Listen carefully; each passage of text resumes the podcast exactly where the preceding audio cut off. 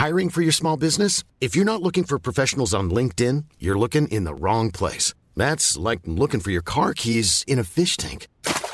LinkedIn helps you hire professionals you can't find anywhere else, even those who aren't actively searching for a new job but might be open to the perfect role. In a given month, over 70% of LinkedIn users don't even visit other leading job sites. So start looking in the right place. With LinkedIn, you can hire professionals like a professional. Post your free job on linkedin.com slash people today.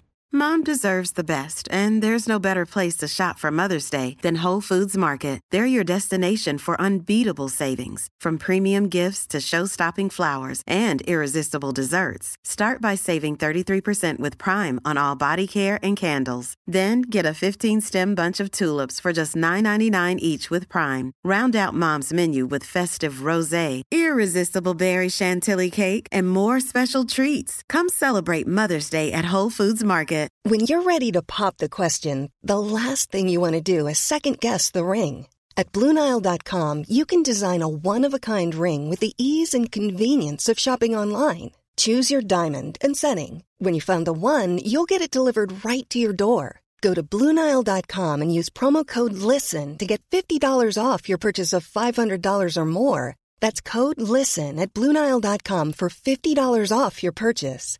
Bluenile.com code LISTEN.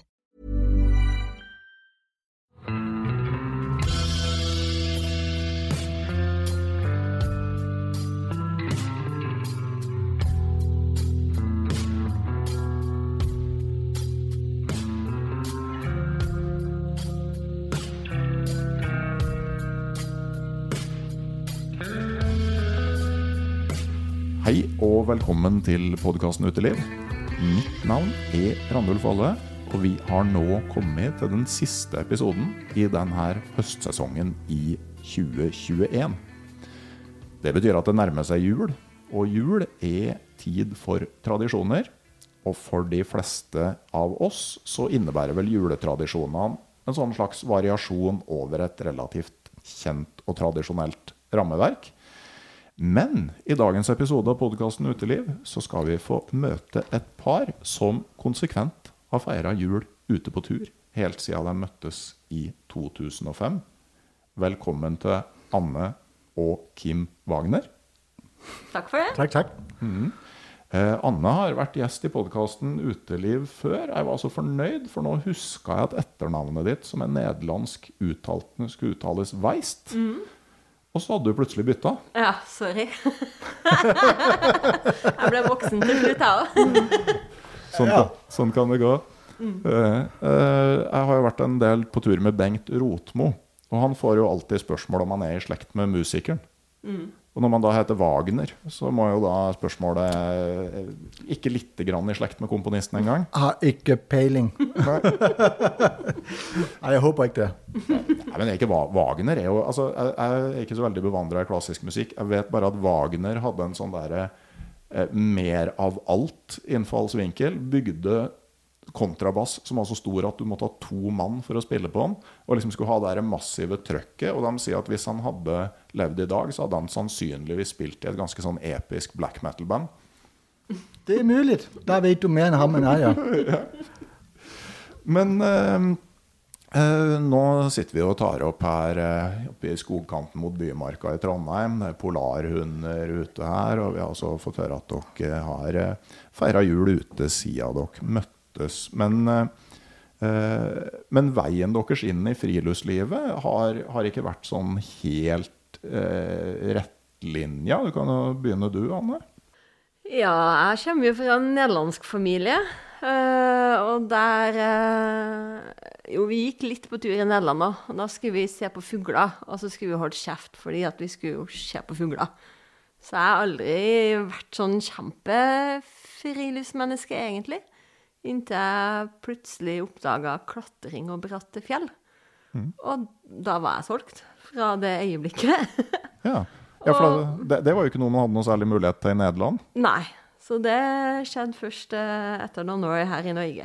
Ja, du, Hvor gammel var du da du kom til Norge? Jeg var ti år da vi kom til Norge. Mm. Hata landet. Nordmenn var så sjøl gode, og alt norsk var best. Og det eneste jeg ville, det var å flytte hjem til mine venninner. Mhm. Så det var et skikkelig eh, krasj. Men eh, da først fjellivet ble oppdaga, så skulle jeg aldri tilbake mer til det flate, kjedelige Nederland. Nei, og, og du Kim, hører jo at du er jo opprinnelig dansk, men du kom ikke til Norge pga. av friluftslivet? Nei, jeg kom jo egentlig til Norge på stavkirkene og byggetradisjoner øh, dengang. Um, og så tok det ikke så veldig lang tid fra jeg kom opp hit. Der har vel vært en 24 år, tror jeg, at jeg oppdaget de norske natur, norske fjeller. Og der, øh, der var jeg jo helt frelst. Så mm. da der har jeg jo ikke riktig kikket på de der stavkikker, egentlig. Nei. Eh, Men eh, hva er det liksom Hva er det som for dere har gjort at det der med fjellene har blitt Hva var det med det som, som trakk? Jeg tror det er en, den kombinasjonen av frihetsfølelse og særlig i starten mestringsfølelse. Egentlig, altså Du er ikke vokst opp med det, og vi dro jo egentlig bare ut, og så prøvde vi oss fram, og så gikk det noe som det gikk, da, men man ble nok klokere hver gang. Mm, absolutt. friheten. Ja. Friheten og ansvaret, du har for egne handlinger, kan du si. Mm. tror jeg.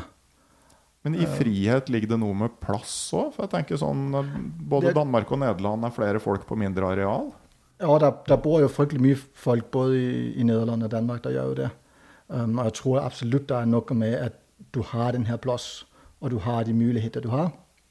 Og så er det ikke noen tvil om at det er en helt fantastisk natur. Og så er det lite krav. Altså I ungdomsårene så er det mye kaotisk og mye usikkert, og det er mye image og mye ja, mote og utseende og alt mulig annet. Mens på fjellet så handla det egentlig bare om å ha det gøy. Eh, jo mer gøy, jo bedre. Og alt det andre var glemt. Så det var jo mye frihet i det òg. Og så er det ikke noen tvil om at der er, i Danmark der finnes jo ikke vinter. Så det her med at du kan få snø, og du kan stå på ski, og du kan komme ut på det viset, det er jo helt fantastisk, syns jeg. Men eh, dere møtte hverandre gjennom eh, Turistforeningen? Ja. På en juletur, faktisk. Faktisk. Ja, absolutt. ja. ja. For jeg startet jo med det her med å dra til fjells om vinteren eller om julen. Det startet med før vi ble sammen, så jeg har vel haft en tre-fire år før det, tror jeg. Så vi møttes på en sånn tur.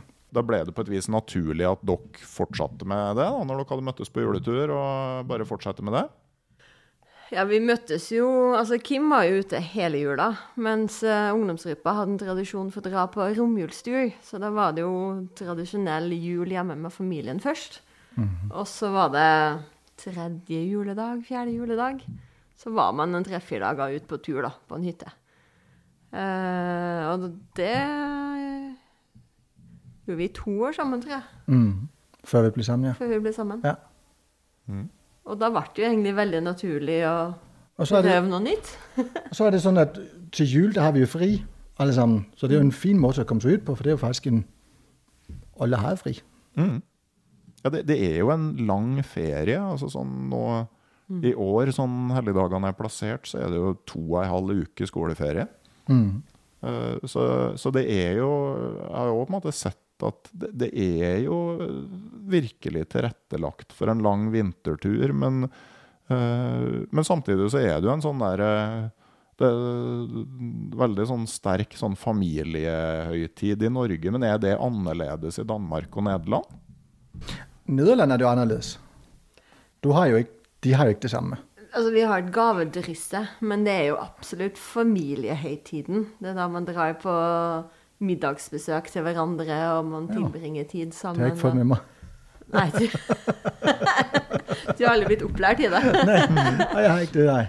Nei, familien min har ikke noen sterke tradisjoner for jul. Så der var det ikke noen problemer med den. Hvor dro dere hen? da? Hva slags tur var det dere dro på første året? De første årene Første året var vi i Trollheimen. Å ja, det var vi òg, ja. Var vi. Der var en meter med snø, og vi kom oss ikke fram. Ja, stemmer. Ja, Da var det meningen vi skulle krydse uh, Trollheimen. Det ble det aldri. Det ble jo uh, telt og Kos. kos. Jeg var sjuk. Og... Ja, du var syk, ja. Men uh, ja, hvor dro dere hen, da? Vi dro til Hva heter den dalen? Uh, etter Gråsjøen så har du på, andres, på, på feil side av snoter. Begynner med V, gjør det? Ok, ja, det er- det er på nordsida. av nordsida, ja. Ja, Kjører inn fra Surnadal, for de som er Ja, vi tok jo bussen. Ja. Første mange årene var vi eh, kollektivbrukere, og det er også en fordel. Når man skal ta buss til fjells fra Trondheim, så kommer man jo kun i randsonene. Så det er en helg med busstur, det skal gå jækla langt, i hvert fall, for å komme til noe ordentlig fjell. Så når du først har Men- noen men- uker, så går det greit. Fordelen med buss er jo at du kan starte og slutte to forskjellige plasser. Ja. Ja, det er et veldig godt poeng. Altså det å kunne, og så er det Har jeg merka at uh, Spesielt sånn i, i Finnmark så blir folk nysgjerrig på hvor du skal, og så begynner de å fortelle alt de vet om fiskevann og åpne Ja, men- gammer og sånne ting på I bussen. Finnmark da trenger du nesten ikke buss. I Finnmark da skal du bare ut med lappen, og så stopper bilene, og så sitter man seg inn og så snakker det. Har Du du trenger ikke å ha ut lappen en gang, lammen en. Du kan bare sette opp en sekk ved veien, så stopper folk. Mm. Hvor vil du ha skissen? Ja, det er veldig ofte sånn, ja. ja. Veldig artig når du er på tur der. Så møter du folk, og så slår man en prat, og du får mange historier. Ja, Du trenger ikke helt til Finnmark heller. Jeg fikk tilbud om å bli kjørt fra Fauske til Sulis fordi jeg mista bussen. Kom, tok nattoget opp dit, og så var det forsinka. Og det, det er ganske langt, altså. Jeg Ja, det er langt, ja. Det er over ti mil tur-retur. Jeg var faktisk så høflig at jeg sa nei takk, jeg kan neste, vente på neste buss. Det, jeg synes det, var liksom, det ble litt voldsomt. ja. Men jeg husker jo, det var jo da vi, øhm, det var da vi gikk Norge på langs. Det var også en som bare insisterte på at vi skulle bli med ham. Husker du ikke det? Jo, det var flere. Ja. Det, Men da gikk man jo nordover på langs, så da skal man jo gå hele veien. Ja. Så da kan man jo ikke ta bil. Ja, Dere har gjort det, altså? Når skjedde det? 2008. 2008, ja. ja. Men der skulle man jo liksom gå over på langs, så der kunne man jo ikke rigtig tage sys. Nei, det, det blir jo Ja, det blev litt farlig. Det var det, vi ønsket å, å ændre på, på den lange kosetur. Det var, at hvis vi mødte folk, og de hadde lyst på å gi sys, så bare for å møte folk og snakke med folk og sånn, så, så Ja, gjorde vi jo det. Ja. Så vi mødte jo sommer langt opp på Vitter, som spurgte, om vi ikke skulle ha sys, og så satte vi på over til vind med dem, og ble med på hytter og drikke kaffe og sådan, og det var, det var lidt det, vi savnede på Norge på langs, og det, Ja. det var ligesom sådan lidt, det skulle være fra A til B på en måte. Mm. Men eh, når dere gikk Norge på langs, altså det, Var det til fots eller på ski? Det var, øh, vi gikk jo ikke så veldig fort, vi. Vi brugte fem og en halv måned.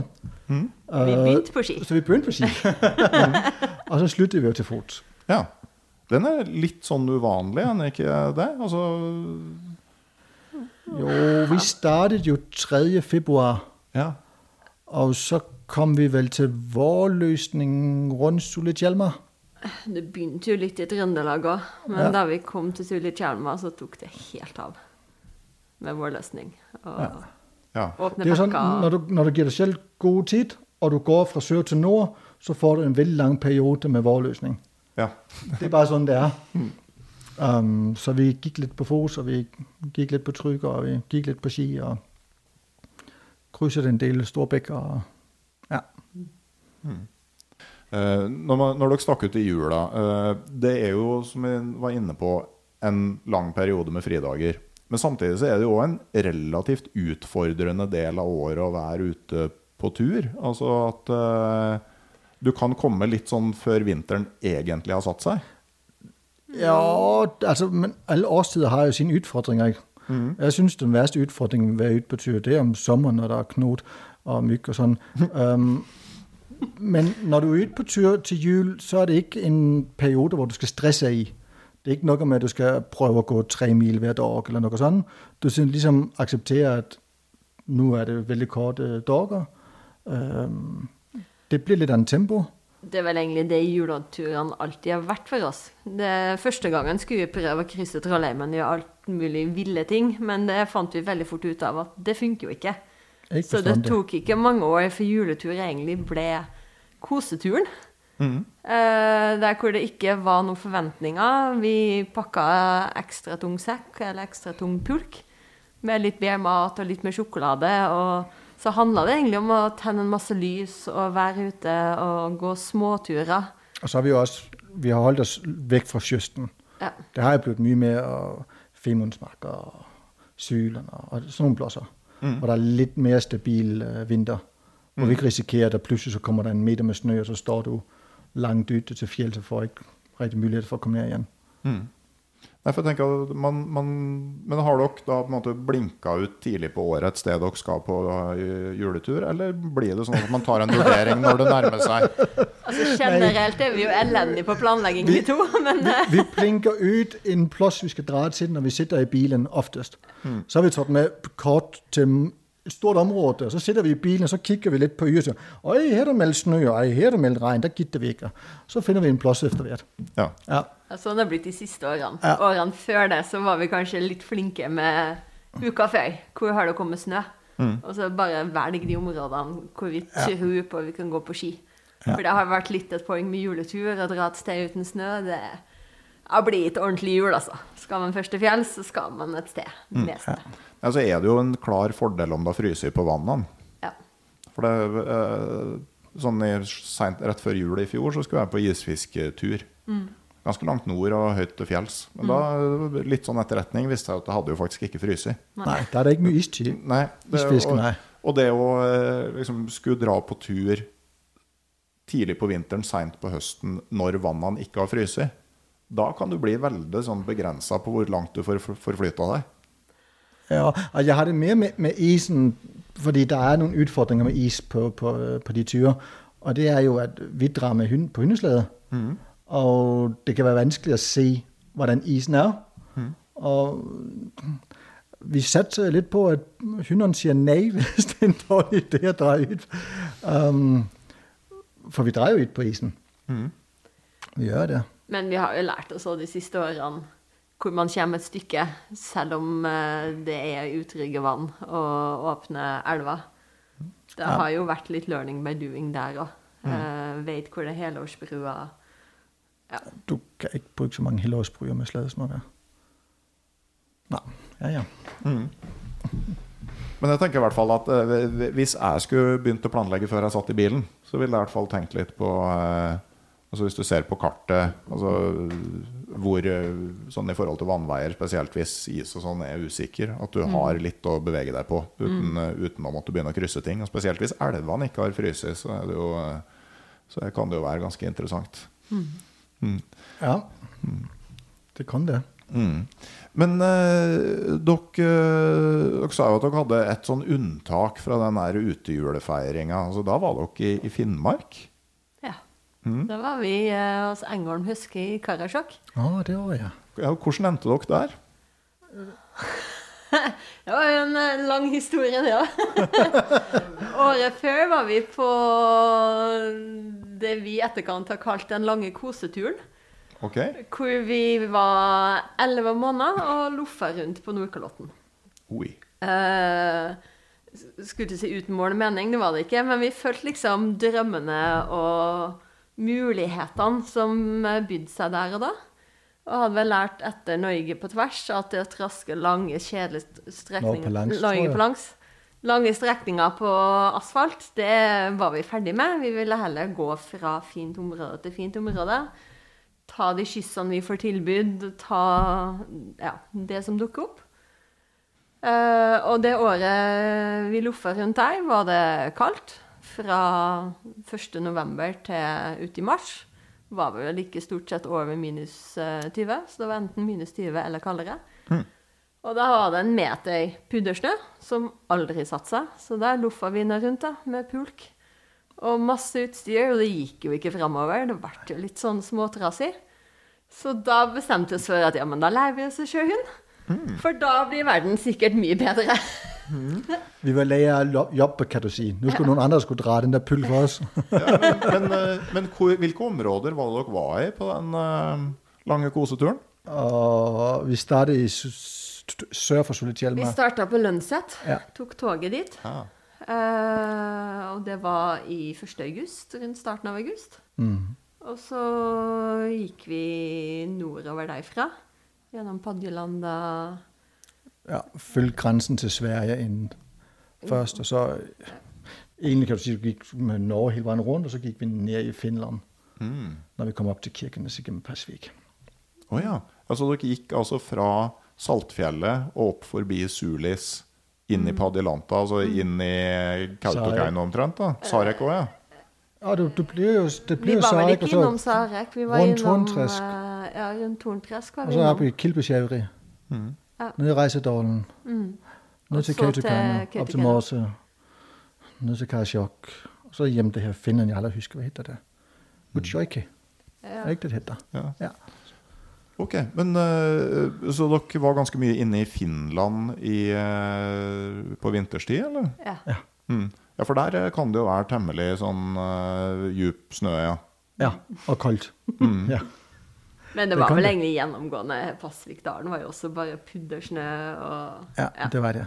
Mm. Det var veldig kaldt i år. ja. Ja, ja jeg lagde en episode med Jan Eilert Pedersen, som bodde sju år i Kirkenes og hadde 1000 soveposedøgn på den tida. Ja. Uh, og han eh, fant ut liksom i den eh, bunnløse sukkersnøen Så fant han ut at den beste måten å komme seg fram på, det var liksom å Når du hadde satt opp camp, så tok du bare ski og ikke pulk, og så gikk du opp ruta du skulle gå neste dag. Ja, det gjør vi òg. Ja. Ja, vi endte med det Og der går det ikke fort, skjønner du.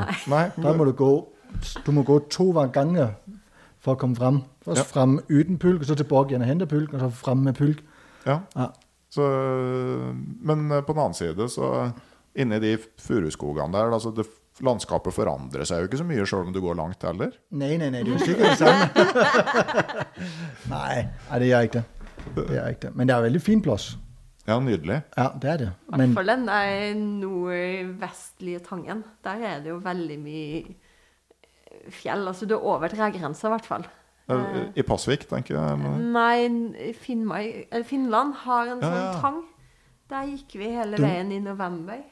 du tenker på Nantykyr, ikke sant? Ja, det- Ja. Nordvest, ja. Oppe, um, Det blir jo liksom mellom grensen hvor du har Norge, Sverige og Finland. Det punktet, du, det er den du tenker på, ikke sant? Nantykyr, ja. ja. Med, med Finlands høyeste fjell. Ja, alltid. Ja, alltid, ja. Ja, det er en veldig fin plass. Det var der det var snakk om å gi bort en liten del av Norge til Finland. Så men fikk en litt høyere topp, eller? Ja, det Ja, men det er også trasig. Det høyeste fjell i Finland, det er en fortopp til For et norsk fjell. Men eh, det, det er jo i strid med Grunnloven. Okay. Ja, Norge, Norge er udelelig. Eh, er liksom, og det er vel derfor at eh, de der øyene våre nede i Sørishavet har en litt annen status. Sånn at de kan gis bort. Okay. Ja. Et biland eller noe sånt, tror jeg det heter. Sånn at jeg tror det er litt sånn for å ha litt sånn utenrikspolitisk eh, Ja, du kan forhandle litt grann med det. Det, det som en andre plasser kaller for en koloni, ikke sant? Ja, men jeg tror for at det skal være en koloni, bør det ikke da bo noen der fra før? Altså en sånn steinhaug i Sørishavet Har vi litt? Nei, det, nei jeg, jeg vet ikke, jeg heller. Men, det- men det er jo en viss trøst da, at den norske imperialismen Det var ikke så mye måte, lokalbefolkning som fikk Det var ikke så mange lokalbefolkning Men eh, sånn en av det. Men først Norge på langs, og så elleve måneder på eh, Nordkalotten. Altså, eh, Hvordan får man det til? Altså Sånn praktisk? Økonomisk? Jeg skulle til å si at man tar det ene benet og setter foran det andre. Det er liksom det man gjør når man går på tur. Men det praktiske Vi, altså, vi er ganske flinke til spy. Hvis vi først bestemmer oss for at vi skal på tur, så klarer man å leve ganske sparsommelig. Eh, ja, Men vi er ikke så gode til å planlegge. Nei. Eh, men vi budsjetterte med den gangen 10 000 i måneden for to personer. Mm. Uh, og så hadde vi med Kim sitt bankkort, og så var mitt bankkort hjem til min mor i Trondheim. Så hvis noe skar seg eller gikk sunt, så ringte vi bare hjem mamma. kan du gå ut og handle ditten og datten? Ja. Og så går vi dit, så da kan du sende pakke dit. Ja. Og så sier man opp alt man har. Ja. Ikke noen husleie, ikke noen mobil, ingenting Nej. som du ikke trenger. Så du har ingen løpende utgifter. Mm. Og så det koster jo nesten ingenting å være på tur. Nei, det, det, når du først er der ute, så er det jo eh, Det er ikke så mye fristelser. Nei. Nei, og de fristelsene som er der, er jo gratis. Ja. Det, Så jeg har aldri syntes det var det vanskelige, nei. nei. Så det er mer det å ta avgjørelsen og bare dra. Ja, det verste med å dra på langtur, det er jo at det er ganske mye du skal gjøre innen du drar ut. Du skal ha kjøpt alt utstyr, du du skal ha kjøpt all maten til et år, og du skal ha lagt en plan for hvor du skal gå, og Kart og kort, og ja. Det er egentlig det verste. Men det er jo, det er jo gøy òg, da. Det begynner å glede seg og planlegge. Jeg syns egentlig det verste var å komme hjem igjen. For du hadde en livsstil som Dagene gikk jo. Altså, du sover, du spiser, og du går. Mm. Og det Kroppen er jo laga for det. Det er jo sånn mennesker blir virkelig glad. Og så kommer man hjem, og så man skjønner ikke hvordan hverdagen skal gå opp. Man skal jo fortsatt gå, man skal spise, man skal sove. Og så I tillegg så skal man være sosial, og man skal være på jobb, og man skal være på skole. og det, ja, Mm. det er stress. Det er Trond Strømdal som snakka på etter ett år Norge på langs sammen med Lars Monsen, at han, han brukte lang tid. Han var liksom helt satt ut i, i starten med alle inntrykkene, alt som skjedde, hvor mye det var å ta inn over seg. samboerne Samboeren han hadde. Han bare sa fra at sånn Det kommer til å bli bedre, men det kommer til å ta tid. Det er absolutt verdt å høre den podkasten med Trond eh, Strømdal. Han var jo lam fra halsen og ned eh, litt over et år før de starta turen. Han eh, fikk et sånn eh, syndrom med et fransk navn, som uh, Guillain-Barré-syndrom. Som gjorde at han var lamma fra halsen og ned og var vel noen og 30 kilo. Uh, og og i, ja, i løpet av et par år etterpå så var de i gang med og gikk Norge på langs. da. Mm. Ja, så det, det er både, både det som står i boka, Norge på langs-boka som Lars Monsen skrev, og, men òg Trond sin uh, fortelling om det her. Det, det er sånn som uh, Det er ganske, ganske imponerende. Men, uh, men eh, samtidig også virka det som det var veldig sånn samme innfallsvinkel som den eh, lange koseturen deres. At det er med å liksom, ha tid til å oppleve. Men samtidig så er det jo litt fint det der å, eh, å ha en viss sånn ramme, da. For at eh, der, det, Jeg syns alltid det er sånn et tvega sverd. At hvis du har en tur med et slags mål, så må du komme deg fra A til B. I hvert fall Du må komme deg tilbake til et sted hvor du får kjøpt mer mat. I hvert fall på et eller annet tidspunkt Men samtidig sånn, så fører det jo ofte til at du havner på plasser du aldri ville tenkt på å besøke ellers. Ja, det er jo det, som er ganske fint, ikke sant? Mm. Man kommer jo mange plasser man ikke hadde besøkt ellers. Mm. Så absolutt. Men så føler du gjerne at du har litt for lite tid til å være der når du først er der. Ja, spesielt hvis du har den her A til B, så liksom Du kommer mange fine plasser, men du har ikke tid til å gjøre noen ting der, for du skal jo Du, skal jo, du har et mål der ute du skal til. Så det var også en av de ting vi ville med den lange kosetur. Det var jo å ha mer tid til å gjøre forskjellige ting. Gå på en topptur, eller sitte foran et bål i en uke og prompe, eller hva man nu ellers man kan finne på. Og det gjorde vi jo ikke da vi gikk Norge på langs. Da var det liksom Kom frem.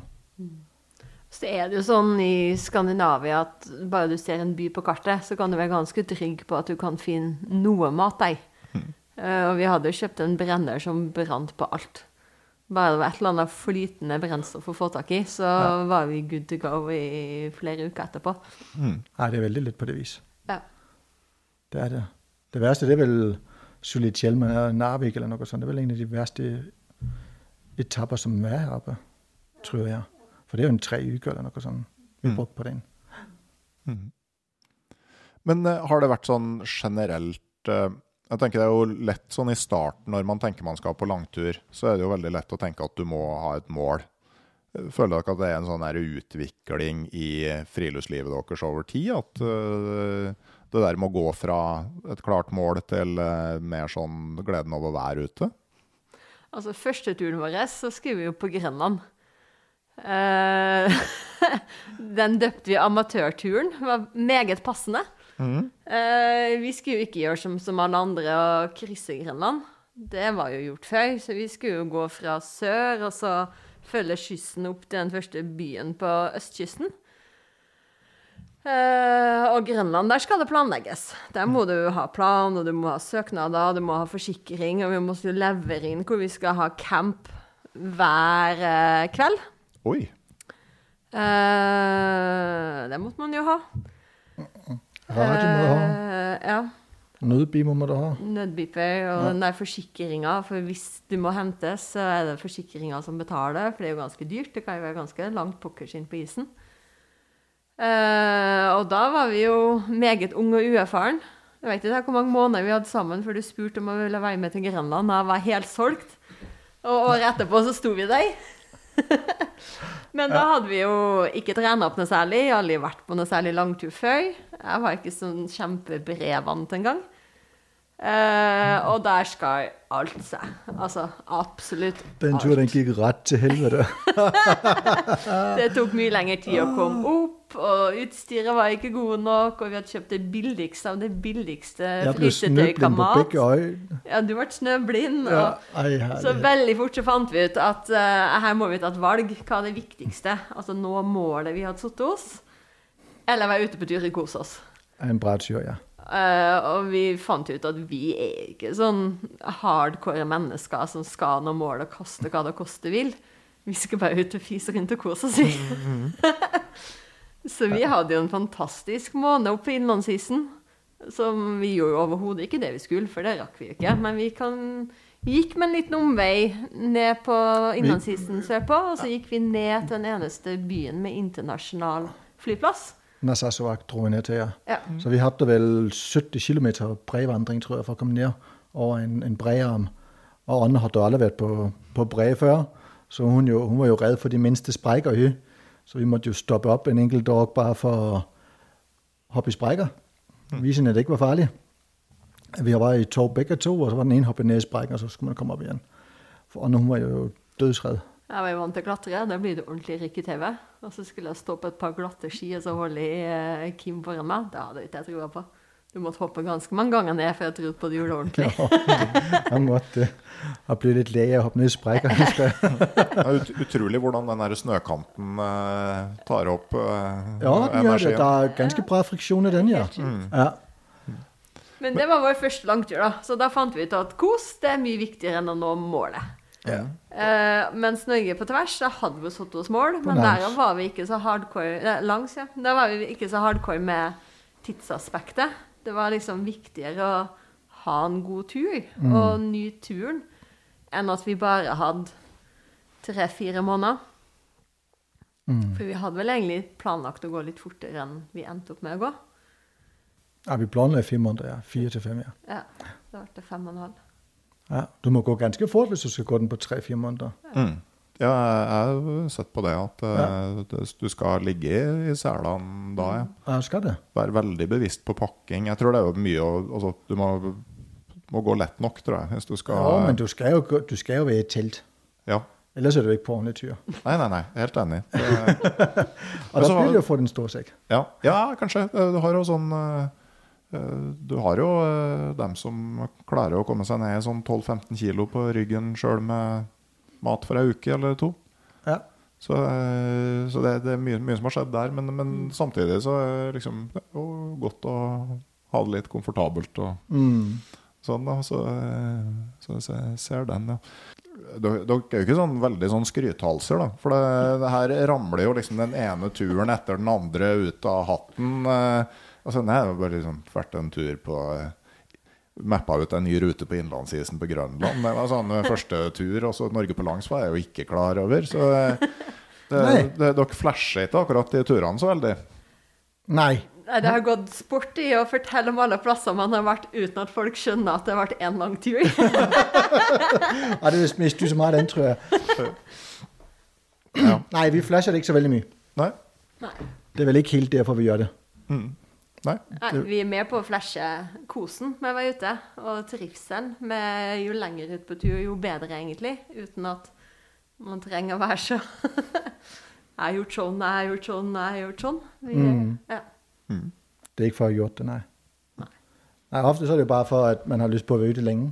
Ja. Og så må man finne på en eller annen årsak til at man skal være ute så lenge. Og så, Da blir det nå så elleve måneder på Nordkalotten, f.eks. Mm. Ja, og så virker det jo da som eh, jo flere ganger man har vært ute lenge, jo på en måte mindre konkret grunn trenger man å ha til å være ute lenge. Ja, det er det. Det er, litt, det er jo litt som å komme hjem. Mm. At mm, nå vil jeg gjerne hjem igjen.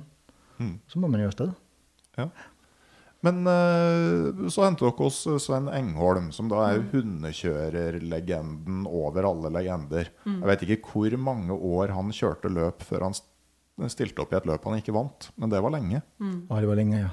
Ja, det var jo liksom type sånn 15-20 år. Eh, svenske. ja.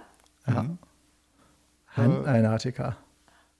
Fantastisk type. Og det var jo helt tilfeldig at vi havna der, egentlig. Vi hadde en venninne som hadde holdt på litt med hundekjøring. Eh, så mens vi nå lå i teltet og var nedsnødd og lei av å traske rundt i Buddersnøen, så sendte vi vel mail eller SMS til hun. 'Hei, vi har lyst til å lære oss å kjøre hund. Hva anbefaler du?' ja, send mail til en Engholm, du. så da gjorde vi nå det. Og den var jo egentlig litt treg med å svare. Så vi var jo egentlig innstilt på at ja, ja, så ble det ikke det, da. Så måtte vi tilbake til jobb og skole og Men så i juni så, Så ringte jeg. så ringte de. Og hadde plass til, egentlig kun plass til én handler. Men hvis vi ville ha delt på handlelønna, så var vi hjertelig velkommen begge to. Så da hadde jeg en uh, meget alvorlig prat med min far, for da gikk jeg jo fra min eh, studieplass for å lære å kjøre hund. Eh, og han trodde jo det var mitt liv forbi, men uh, det endte nå sånn, da. Og jeg hadde jo sommerjobb som jeg måtte gjøre ferdig først, så dro, du dro jo opp først. Ja, det gjør det. Starten av august, tror jeg, og så kom jeg etter på slutten. Det er sant, det. Ja. Ja, og, og den campen til Sven den ligger jo sånn rimelig idyllisk til. Spesielt på vinterstida. Ja, det er en fantastisk plass. Altså, jeg kom jo helt perfekt. Det var slutt på myggen da jeg kom. Det var egentlig Ja. Jeg hadde jo bare gode måneder der, ja. Nei, det er det. Ja, det er en utrolig vakker plass. Ja, for den ligger nede ved Det blir noe Isjokka den heter der? Eller er det fortsatt Karasjokka? Ja, vi har kalt det Karasjokka. Ja, det er fortsatt. Karasjokka. Ja. Ja. Mm, før um, Og litt sånn grov furuskog. Ja, stor, gammel furuskog. Og så har du Mose en, han har vel en 50 hunder, tror jeg. Ja. Store, laftede bygninger. Det er en utrolig fin plass. Så man har, så man har vel bygd om, Bortsett fra de nyeste hyttene, så har han vel bygd og lagd det meste av det som er der, sånn mer eller mindre egenhendig. Jeg tror de nyeste har han vært med på å designe, ja. Han Ja. har en finger med i spillet på alt det som eh, skjer oppå gården, eller hva man skal kalle det. Lodgen. Så det er hvis man liksom virkelig vil ha en sånn spesiell opplevelse med hundekjøring. Altså, det beste med å dra til Sven, det er jo at han er genuint interessert i hunder. Det her er ikke pengebedrift. Det her er ikke en stor eh, masseturismemaskin. Eh, det var jo litt det òg. Problemet var jo kanskje at det var feil turister som kom i forhold til det som ble tilbud. Eh, for alle skulle jo kjøre slede sjøl og gjøre det ordentlig. Og det er kanskje ikke så heldig når du er 70 år og aldri har stått på ski og ikke vet hva det å gli er for noe. Men han er god med hund, da. Eh, så du lærer veldig mye om hund. Det var jo vårt mål. Det var jo å lære hundekjøring. Og da var vi jo kommet Da hadde vi jo flaks, da. Da kom vi jo helt rett. Så da blei det egentlig to år mer eller mindre sammenhengende da, på Nordkalotten for dere. Ja. Det er ikke, ikke så verst. Hender dere savner det? Vi hadde jo veldig lenge tenkt på å flytte nordover når jeg endelig ble ferdig med å studere. Jeg savner jo at du har jul uten sol. Det er helt feil her. Jul det skal være lite grann skumring, og så midt på dagen, og så mørkt igjen. Så her i, i Trondheim, hvor vi bor nå, der er det jo sol i flere timer. Det føles jo, det føles jo helt feil. Ja, og, det, og jeg tenker Jeg har bodd i Finnmark i ni år. Ja. Og jeg husker når vi bodde der og var hjemme i Gausdal ved Lillehammer i jula. Jeg var sjokkert over hvor lyst det var. For jeg huska jo dagene som korte og mørke sånn Ja. rundt jula. Så sola er jo kjempehøyt oppe i himmelen på, på første juledag. juledag. det er helt feil. Og det er så mange timer med sol. Ja. Ja, det, det, det, det, er noe spesielt med det rødlyset.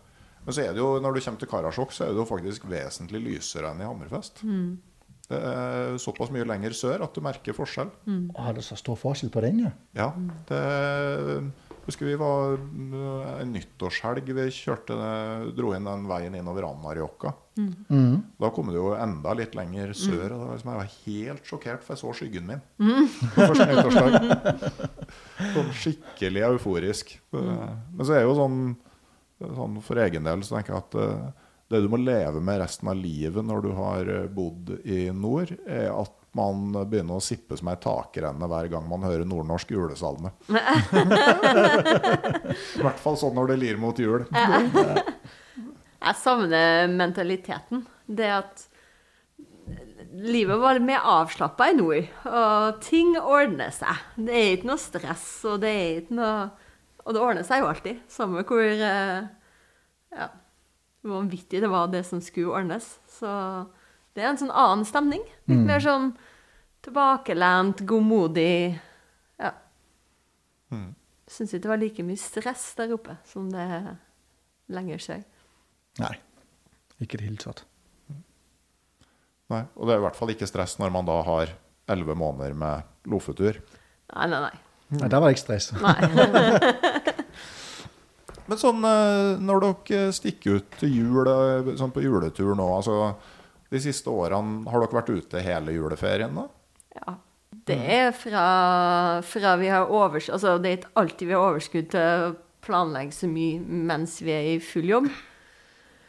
Men så fort som mulig fra man tar juleferie til siste dagen før man begynner på arbeid igjen etter nyttår. Mm. Uten unntak. Mm.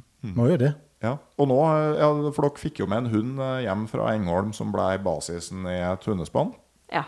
Mm. Og da ble alt mye lettere når du skulle ut på tur om vinteren. Nei, Nei, det ble jo ikke det. men det er mye artigere. Ja. Det kan vi si. Men lettere, nei. Nei. Nei. Um, da tok vi grundig feil. ja, det gjør vi. Men vi kjører jo lite spann. Vi har jo hatt seks til sju hunder, stort sett. Uh, og da er det en som kjører slede, og en, en som henger bak på ski hvis det er godt føre. Og en som går foran og lager spor hvis det er dårlig føre. Mm. Ja. Så det Er det, er det dansken eller nederlenderen som går foran på ski? Mest nederlender. Det var mest jeg som var her, ja. Det er vel du som er best trent, tror jeg. Jeg sier det som eh, Det var jo Bjåland, eh, femmilsmesteren fra Holmenkollen, som gikk foran hundespannet til Roald Amundsen. Det var det, ja. Lurte på hvordan det hadde vært å være på Sydpolen. Det var det at det var en pokkers og stri jobb å være forløper. Så det, det var liksom mer da at det var et skirenn. Det var langt, men like fullt bare et skirenn.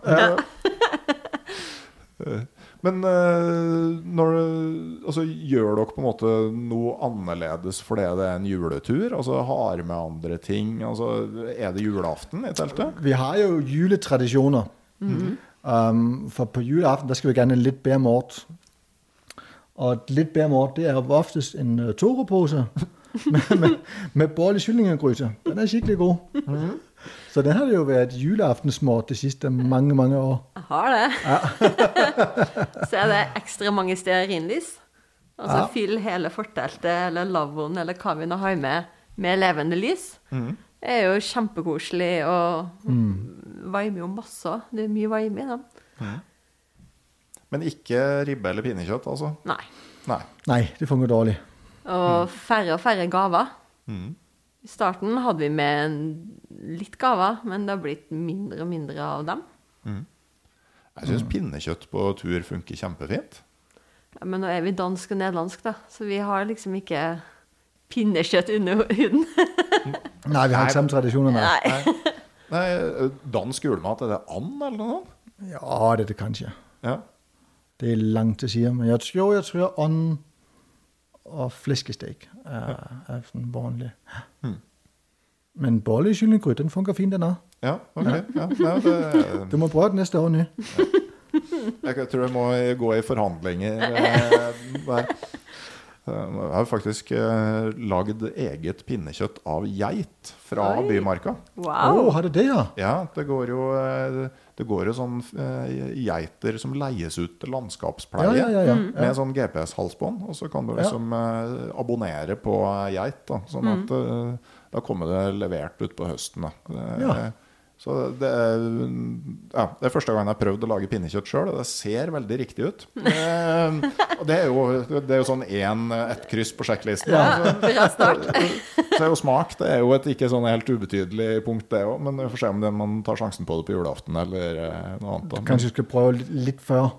Det kan være. det kan være Ja. men, men i hvert fall, da, altså, ferdigkokt frossent pinnekjøtt er jo helt fantastisk turmat. Altså, salt er jo eh, godt når du er på tur. Og det kan ha oppi, hive litt grann snø oppi stekepanna.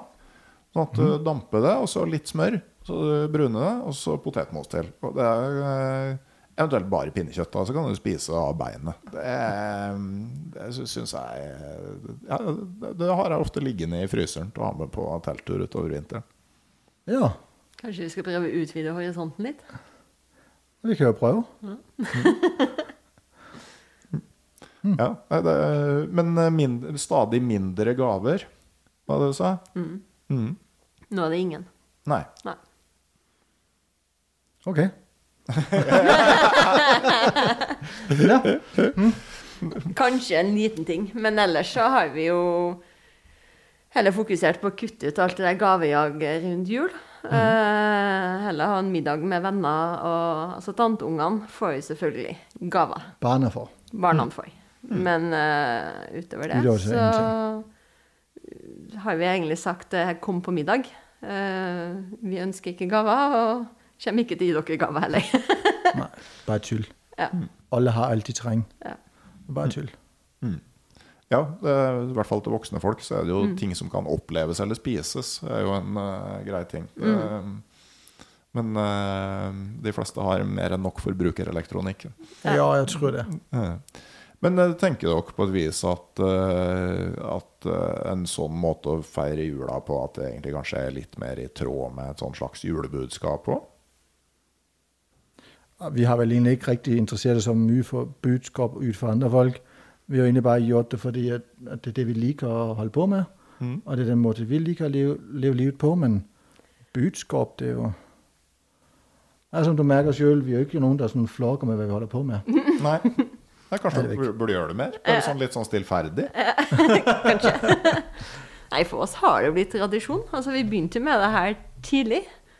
Ja. Jeg var jo 16 har det vært. De første to år før vi ble Ja. sammen. Så det er liksom bare blitt vår tradisjon. Og nå har jo familie og venner vent seg til at jo, men Anna og Kim, de er jo til fjells. Det er jo der de skal være i jula. Ja. Og så er det jo altså eh, Om man har lyst til å være hjemme på julaften, så er det jo sånn det det starta med, med for din del, da, når man stikker ut på tredje juledag og blir til over nyttår. For jeg, jeg, jeg må innrømme at jeg syns julaften er ganske koselig. Det er fint å treffe familie og, og sånn. Eh, Men eh, spesielt sånn i ungdommen og sånn, jeg aldri syntes at nyttårsaften har vært noe stas. Nei. Eh, Så da jeg fant ut at man kunne stikke ut på tur på, på nyttårsaften og, og du rekker jo, du kan jo fort få ei lita uke der, da. Og det, det er stas, altså. Ja, hvis du drar ut til sånn tredje juledag, og så til over nyttår, da har du en, en veldig fin tur, det. Ja, absolutt. Så tar vi den bare litt lenger, vi, og så tar vi julen med. Men det er absolutt en fin tur, det er. Ja. Men man må være forberedt på altså, sesongen. Korte dager. Det er litt som vi var inne på tidligere, det er ikke da du legger ut på kjempelang og ambisiøs tur, men det er kos. Altså, det er, en, det er en ro, og det er masse fine farger, fin soloppgang, fin solnedgang. Eh, vi pleier ofte å ha med en god bok som vi leser høyt for hverandre. Jeg har det som eh, kos. Ja. Hva er det korteste dere har dratt på juleturen? Vi hadde en jul i Bymarka, der vi akkurat hadde fått to hunder. ja Før vi kjøpte bil. Så det er den korteste, ja. For da var det vel ikke snø til å dra pulkene til stasjonen. Så Så det er det korteste, ja. ja. da dro vi dem rett ut i marka i stedet. Ja. Det er jo noe fint med de turene som starter på eh, trammen hjemme òg, da. Det er jo det. Det var, det var kanskje ikke den beste jula vi har hatt, men uh, det er jo mye fint i Bymarka. Når det kommer deg litt sånn bakom Storeia, inn i noen sånn gjemte kroker, Mm. så finner man jo ro, og man finner jo stillheten der òg. Det finnes mange fine plasser i Bymarka, ja. Det er jo absolutt det. Og en annen ting som er veldig fint med de her midtvintersturene, det er å sove. Det er å liksom gå litt sånn i dvale. Og sove kanskje sånn 12-13 timer i døgnet. Det er undervurdert, syns jeg. Jeg gjør i hvert fall det. Du gjør det uansett årstid. Men det er absolutt det er, det er undervurdert at liksom gir litt ned, og så tar livet litt med ro. Det, er, det er en god ting. Så trenger man ikke å gjøre så mye med det. Så ut noen korte turer hver dag. Ja, det Nyt kan det lys jo- du har. Kan jo bli litt stress. Vi kan jo være litt for glad i å dra oss, og så plutselig er jo sola på vei ned. Da ble det bare dagstur den dagen, i hvert fall. Ja, for det er klart, altså, som du sier, det kan være greit å øh, Hvis man ikke er vant til å være ute om vinteren, så hvis du legger ut på et ambisiøst prosjekt øh, akkurat når det er på det mørkeste, og snøen har ikke satt seg ennå ofte og, øh, altså, det, det er ikke den enkleste tida å være ute på, men det er en veldig fin tur å være ute og kose, eller tid å være ute og kose seg på. Mm, absolutt. Det er ikke tida for ekstreme turer, eller skal prøve seg ut, eller Det kan man vente med inntil påske eller mars eller noe sånt. ja. Så vet man jo aldri hva vi, man møter. Husker den jula vi hadde på Dovrefjell? Da skulle vi jo Da begynte vi på Kongsvoll, og så skulle vi krysse ned mot Sunndalen. Og var så dødsnervøs for den der trange dalen vi skulle gå ned mot Gammelsetra der. Og var redd for at det skulle være rasfarlig. Ja. Skikkelig rasfarlig. Gikk jo og grudde oss halve jula. Og da vi kom til den der dalen, det var jo nesten ikke snø. vi heipa jo pulkene totalt på å kave oss ned. Nei, det, det kan jo være Jeg hadde en sånn, en sånn nyttårstur i Børgefjell med og Vi fant ut at det var nesten 50 grader temperaturforskjell mellom kaldeste og varmeste tidspunkt på turen. Altså det, det, det er en sånn årstid hvor Ja, og så hadde vi Ustabil vær, ja. ja, så hadde vi en forferdelig storm midt mellom det her. Sånn at eh, det er liksom Altså, du har hatt en kuldeperiode, og så har det blåst inn varmt vær etterpå. Og så dagen efter så regner det. Ja. ja. Og det er sånn julen er. Eller kan være, i hvert fall.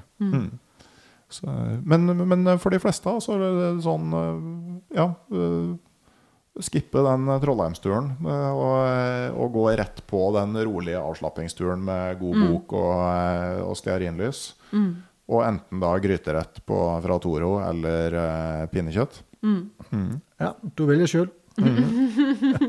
Jeg gjør det. det, det, det sier med maten. altså Friluftsliv trenger jo ikke å være en straff. Nei, men samtidig så maten smaker jo mye bedre på turer.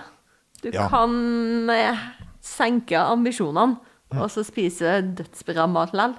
Skal ikke prøve det samme hjemme og forvente samme responsen, men eh, mm. hvert fall når du bor i telt. Så det skal lite til for det blir eh, meget vellykka. Definitivt. Men jeg er veldig enig i det der at eh, no, en, en kjempetabbe er å spise noe på tur når du er skikkelig sulten. Og så tro at hvis du lager det til middag hjemme, så smaker det like godt. Ja, du skal ikke prøve den, nei. Nei. Men eh, i år, da? Hvor går, eh, hva blir det med juletur i år? Nei, nå er jeg jo hos min uh, lille julaften, da. Så. jeg er ikke helt dit med ennå, men det kan godt se ut som det blir jul enten på sykehuset eller i hvert fall tett på hjem. Høres eh, fornuftig ut. Ja. Eh, neste jul, da? Da regner er jeg vi med vi er tilbake, om ikke telt, i hvert fall på en hytte. Ja. Absolutt. Ja. ja, det må være minimum. Og det er jo òg for de som vil ut i romjula eller eh, jula, altså inatur.no. Det er så mange flotte hytter. Alt fra ved vei og til en god del kilometer unna vei. Og det er så mye som er ledig. Mm. Jeg er jo litt før dere i løypa sånn familiemessig, så for oss så håper vi at det blir ei eller annen sånn utleiehytte eh, off-grid et eller annet sted. Eh, og da kan man jo liksom gå litt etter vær og vind og snømengder og sånne ting. Ja, ja, og der har de veldig mange forskjellige Det jeg liker med i natur, at det er ganske mange primitive hytter. Altså, det trenger jo ikke være så fancy. Jeg er ikke så glad i sånn fancy hytter. Det skal helst bare være en lafta kvadrat med en ovn, så har man jo det man trenger. Der finnes mange fine øh, primitive hytter. Mm, gjør det. Men det er jo ikke det, vi har vært den mest nå. Men det er sikkert det, vi kommer til å gjøre nå. Mer nå når vi får et liten barn, og vi kanskje må gjøre sånn. For ellers har det vært mest telt. Jeg er vi jo innstilt på at nå må vi lære oss å gå på tur på nytt. Ja. Etter alle de lange turene, så er vi litt sånn Det skal mye til for at vi er nervøse for en tur. Nå har vi gjort så mye rart at det, det ordner seg. Vi klarer oss, vi overlever. Vi har gjort det meste, men uh, nå begynner vi på scratch igjen. Så det skal bli kjempespennende. Ja, ja det gleder meg til. Jeg tror det er et veldig godt utgangspunkt, det å rett og slett bare være oppriktig glad i å være ute. Det, for det, det blir jo veldig mye det det handler om. Det er jo det. Og så merker i hvert fall jeg at man oppdager de småtteriene eh, ja, rett foran tærne sine på nytt. Ja, det er nok det, det kommer til å skje nå, ikke sant? At, vi, at radiusen blir litt mindre nå, sikkert. For hvordan du går, men liksom opplever tingene tettere på. Og går ikke så fort. Og, Mm. Og så skal vi lære å dra med sleden igjen. Det må vi finne en løsning på. Ja. Mm. det blir spennende. Mm.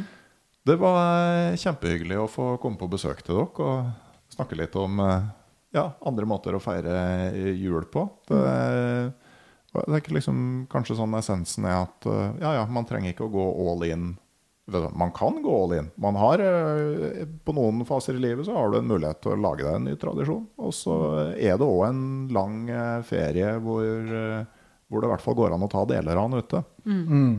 Det handler noe om å gjøre det, det som man kan få gjort da. Da var også, eh, som sagt, høstsesongen av podkasten Uteliv kommet til en ende. Eh, det går en eh, stund nå før det blir nye episoder. Men det blir et par juleepisoder eksklusivt for dem som støtter podkasten Uteliv på Patrion. Og om du blir med i det digitale turlaget der, så får du altså høre disse episodene. Og Registrerer du deg innen 15.12., så er du òg med i trekninga av et helsport Ringstien Superlight enmannstelt, som jeg fant på turutstyrrommet mitt, og fant ut at hadde samla støv der altfor lenge. Så det gir jeg bort. Eh, og velger du å bli langturkompis eller ekspedisjonsmaker, så vil du òg etter hvert få en lommekniv som velkomstgave. Gå inn på patrion.com, eller følg linken i episodeinfo. Så Helt til slutt så minner jeg om at det fortsatt er mulighet for dem som skal ha en julegave, til å kikke på podkasten uteliv.no. Der går det an fortsatt å få kjøpt bøker om Finnmark, både min og Jan Eilert Pedersen sin.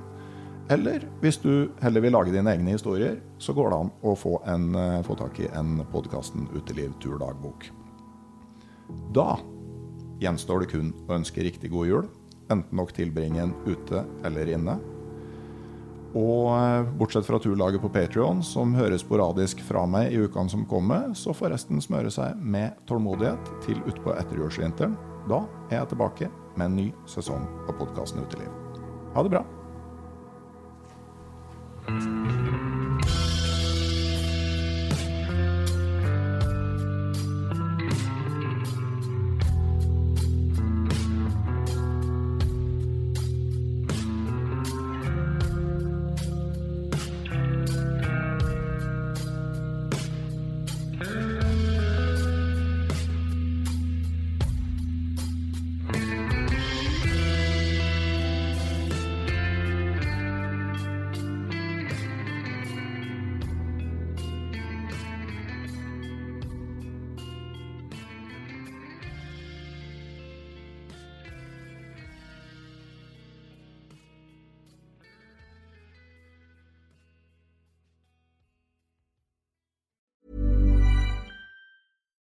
Deserves the best, and there's no better place to shop for Mother's Day than Whole Foods Market. They're your destination for unbeatable savings, from premium gifts to show-stopping flowers and irresistible desserts. Start by saving 33% with Prime on all body care and candles. Then get a 15-stem bunch of tulips for just $9.99 each with Prime. Round out Mom's menu with festive rosé, irresistible berry chantilly cake, and more special treats. Come celebrate Mother's Day at Whole Foods Market. Hi, I'm Daniel, founder of Pretty Litter. Did you know cats tend to hide symptoms of sickness and pain? I learned this the hard way after losing my cat, Gingy. So I created Pretty Litter, a health monitoring litter that helps detect early signs of illness by changing colors, saving you money and potentially your cat's life. Pretty Litter is veterinarian developed, and it's the easiest way to keep tabs on your fur baby's health right at home. Go to prettylitter.com and use code ACAST for 20% off your first order and a free cat toy. Terms and conditions apply. See site for details.